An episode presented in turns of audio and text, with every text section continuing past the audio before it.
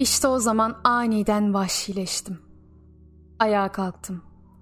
Acı çeken insan bunun nereden geldiğini bilirse duyduğu acıyı azaltabilir. Düşüncesiyle onu vücudunun iyileştirebilecek, gerekirse koparıp atabilecek bir parçasına hapsedebilir. Çevresini sınırlandırabilir. Onu kendisinden uzaklaştırabilir. İlkeler yoktur. Yalnız olaylar vardır. Yasalar yok, yalnız koşullar vardır. Üstün insan olayları ve koşulları benimseyip onlara yön verir. Bu dünya kitabını iyice okumuş olmama rağmen yine de bilmediğim sayfalar varmış. Ben bana geleni kabul ediyorum sadece. Pencereme konan kuşlar gibi. Ama biliyorum ki konuğumun kanatları vardır ve birazdan uçacaktır. Ümitsizlikten doğan bir boyun eğiş bu. Hazin bir tadı var. Sana baktım. Bana gülümseyerek baktın. Gerçekten üzülüyor musun bana? Sonra şöyle dedim. Eskiden hep yolculuğa çıkardım. Sana baktım ve şöyle dedin. Ama yolculuklardan geri dönülür. Evet diye cevap verdim. Geri dönülür. Ama o zaman zaten artık unutulur. Sana bunları söyleyiş tarzımda itici, aşırı tutkulu şeyler olmalıydı. Ben iyi şeyler unutulmaz diye düşündüğümü söylerdim dedin. Bir felaket karşısında verilen ilk tepkiye hakim olunabilir mi? Herkesin akıllı olmasını beklemenin çok uzun süreceğini anladım. Bir de bunun hiçbir zaman gerçekleşmeyeceğini, insanların değişmeyeceğini, onların değiştirebilecek kimsenin bulunmadığını ve bunun için çaba göstermeye değmeyeceğini. Gittikçe soğuduğumu fark ettim ve bu bana sevinç vermiyor. Çünkü özün soğuması çok tehlikeli. Çünkü insanın hareketlerini köstekleyen bir şey olmadığı zaman ruh harekete geçmek için neden bulamaz. Katılaşmış yüreklerin mi yoksa içi boşaltılmış kafa taslarının mı daha korkunç olduğuna kim karar verebilir? Bir katilden daha cani insanlar gördüm.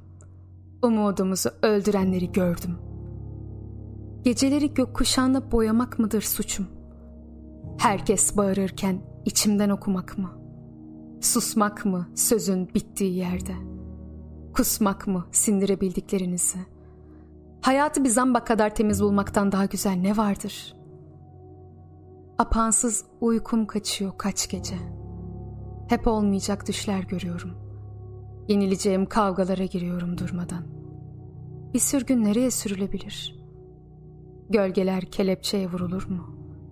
Yalnızca ölümden korktuğu için mi yaşayabilir bir insan? Duygu dediğimiz şey de, düşünce de bir dünya değil midir? İnsan kırgınlığını nasıl anlatır bir başkasına? Yeteri kadar acı çekmemişse insan, anlatabilecek bir güce sahip olabilir mi? Bence gerçekten büyük insanlar, dünyada büyük acılar çekmek zorundadır. Yüz yıl yaşasam, yüz yıl unutmayacağım.'' Hayatın sarkacı ağır ağır sallanıyor. Varlık onun gidip gelişinde erimiş gibi. Bundan ötesi hep rüya. Bir yaşamın bir düşe eklenmesiyle bir düşün yaşamdan çıkarılmasının hiçbir ayrımı yok. Burada nasıl ilerlenir biliyor musun? Ya deha parıltısıyla ya da ahlaksızlığın verdiği beceriklilikle. Her an gidecekmiş gibi her şey her an bitebilirmiş gibi yaşamak da mümkündür.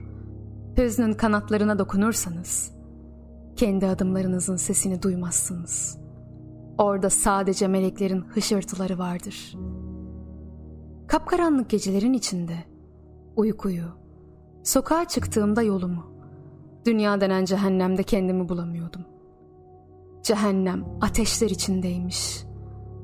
Cehennem yukarıdaymış.''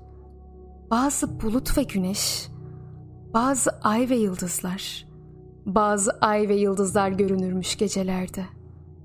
Hayata dair soruların cevaplarını ararken kendimi tam anlamıyla ormanda kaybolmuş gibi hissettim. İnsan kalbi, boşlukların en sonsuzu, Varlıkların en muazzamı.